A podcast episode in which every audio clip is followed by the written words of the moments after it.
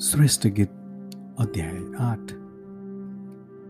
यदि तपाईँ मेरी आमाको स्तन चुसेर हुर्केका मेरो निम्ति दाजु जस्तै हुनुभए त मैले तपाईँलाई बाहिर भेट्टाएमा म तपाईँलाई चुम्बन गर्ने थिएँ र कसैले मलाई निन्दा गर्ने थिएनन्।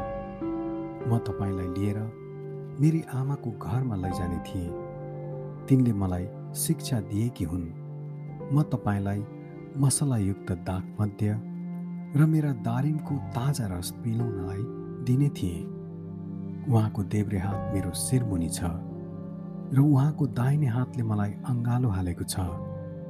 एरुसलेमका छोरीहरू हो म तिमीहरूलाई आज्ञा गर्छु आफूले नचाहेसम्म प्रेमलाई नउठाओ वा नजगाओ।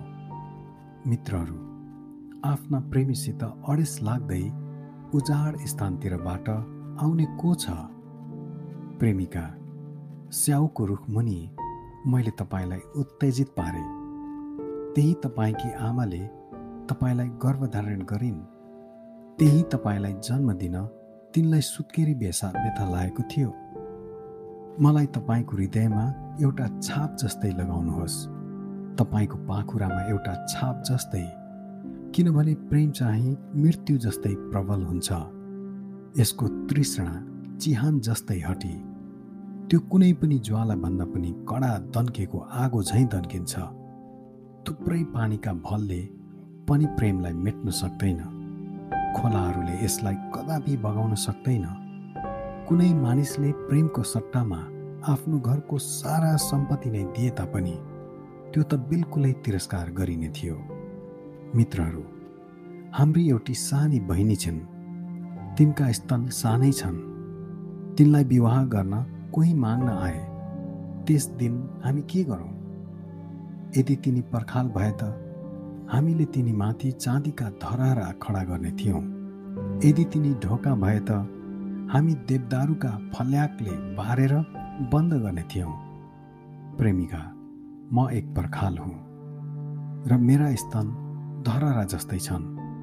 त्यसैले म उहाँको नजरमा सन्तुष्टि दिने भएकी छु। बाल हामोनका सोलमनको एउटा दागबारी थियो। उहाँले आफ्नो बारी अधिया लाउनु भयो र अधिया लिएका हरेकले फलफुलको सट्टा एक हजार चाँदीका सिक्का बुझाउनु पर्थ्यो। तर मेरो आफ्नै दागबारी दिने अधिकार त मेरै हो। हे सोलोमन ती हजार सिक्का तपाईँकै निम्ति हुन्। र दुई सय ती फलफुल हुर्काउनेहरूका निम्ति हुन्।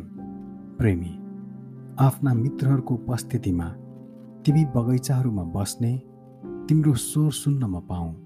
प्रेमिका बाहिर निस्केर आउनुहोस्। हे मेरा प्रेमी र सुगन्धित मसलाले भरिएका पर्वतहरूमा हुने हरिण अथवा जवान मृग जस्तै हुनुहोस्। आमेन।